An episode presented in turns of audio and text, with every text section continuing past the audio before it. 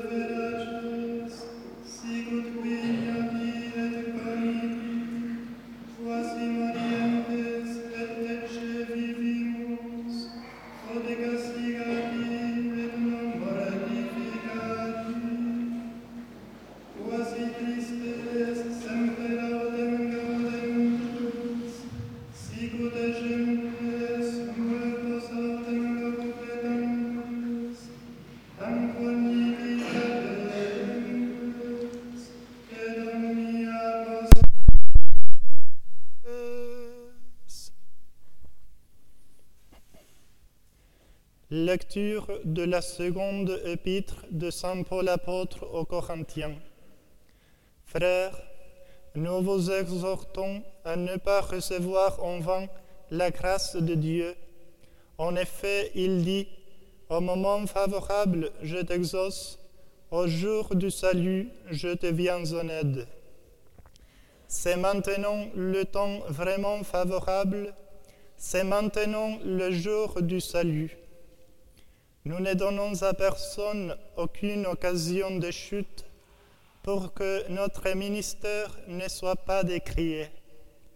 Au contraire, nous nous comportons en tout comme il convient à des ministres de Dieu, avec une grande endurance dans les calamités, les détresses, les angoisses, dans les coups, les prisons, les émeutes, dans les fatigues, l'éveil, les jeunes, avec intégrité, intelligence, patience, affabilité, dans l'Esprit Saint, la charité sincère, dans la parole de vérité, dans la puissance de Dieu, avec les armes de la justice pour attaquer et nous défendre, à travers gloire et déshonneur, à travers blâme et éloge on nous prend pour des imposteurs quand nous sommes véridiques, pour des inconnus quand nous sommes bien connus, pour des mourants, et voilà que nous vivons, pour des gens qu'on châtie et nous échappons à la mort, pour des gens tristes quand nous sommes toujours joyeux, pour des pauvres quand nous faisons tant de riches, pour des gens qui n'ont rien quand nous possédons tout.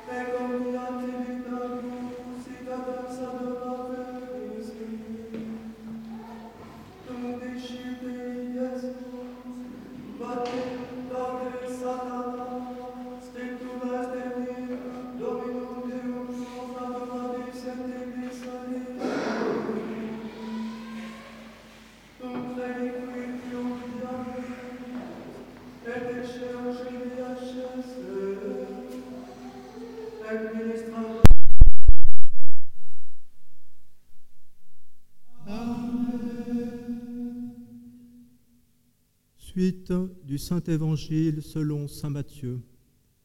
En ce temps-là, Jésus fut conduit au désert par l'Esprit pour être mis à l'épreuve par le diable.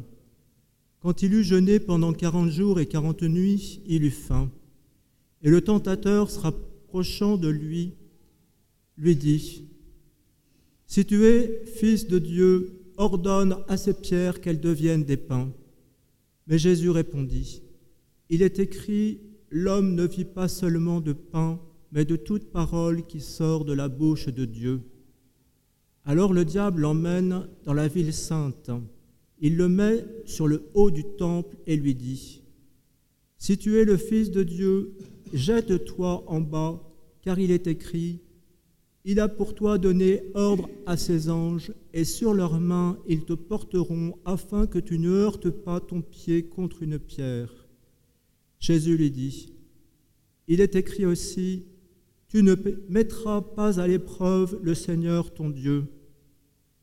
Le diable l'emmène encore sur une montagne très haute. Il lui montre tous les royaumes du monde avec leur gloire et lui dit, Tout cela je te le donnerai si tu te prosternes et m'adores. Alors Jésus lui dit, Arrière, Satan, car il est écrit, tu adoreras le Seigneur ton Dieu, c'est lui seul que tu serviras. Alors le diable laissa, et voici que des anges s'approchèrent et ils le servaient.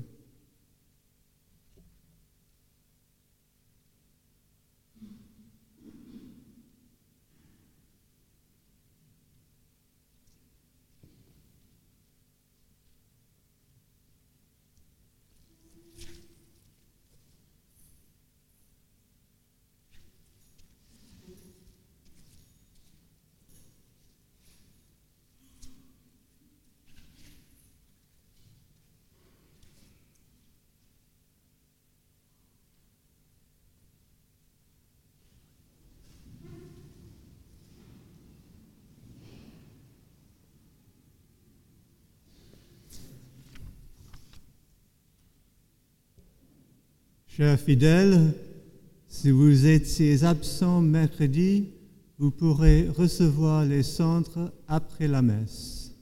Au nom du Père et du Fils et du Saint-Esprit, ainsi soit-il. Mon très révérend Père, mes chers frères, chers fidèles, Jésus fut conduit au désert par l'Esprit pour être tenté par le démon. Le combat contre les tentations est le thème de l'évangile de ce premier dimanche de carême. C'est pendant le carême que nous faisons un effort spécial, non pas pour résister à la, à la tentation, parce qu'il faut toujours faire cela, mais pour augmenter nos forces de résistance par des exercices spéciaux par lesquels nous fortifions les bonnes habitudes de nos appétits, comme par exemple la vertu de tempérance, par un entraînement et une discipline qui mortifient et affaiblissent notre amour désordonné de nous-mêmes, lequel cherche le plaisir et fuit la souffrance à tout prix. En effet, nous renonçons au plaisir, chacun à sa manière, et nous nous imposons davantage la croix des souffrances à l'imitation du jeûne de notre Seigneur. Rien ne s'oppose plus directement à l'amour désordonné de nous-mêmes cause de tout péché. Mais le carême est surtout un temps de pénitence, c'est-à-dire de regret d'avoir été vaincu par des tentations et de réparation par des renoncements plus ou moins pénibles ou coûteux, par la prière, par des œuvres de charité, par l'accomplissement plus parfait de nos devoirs.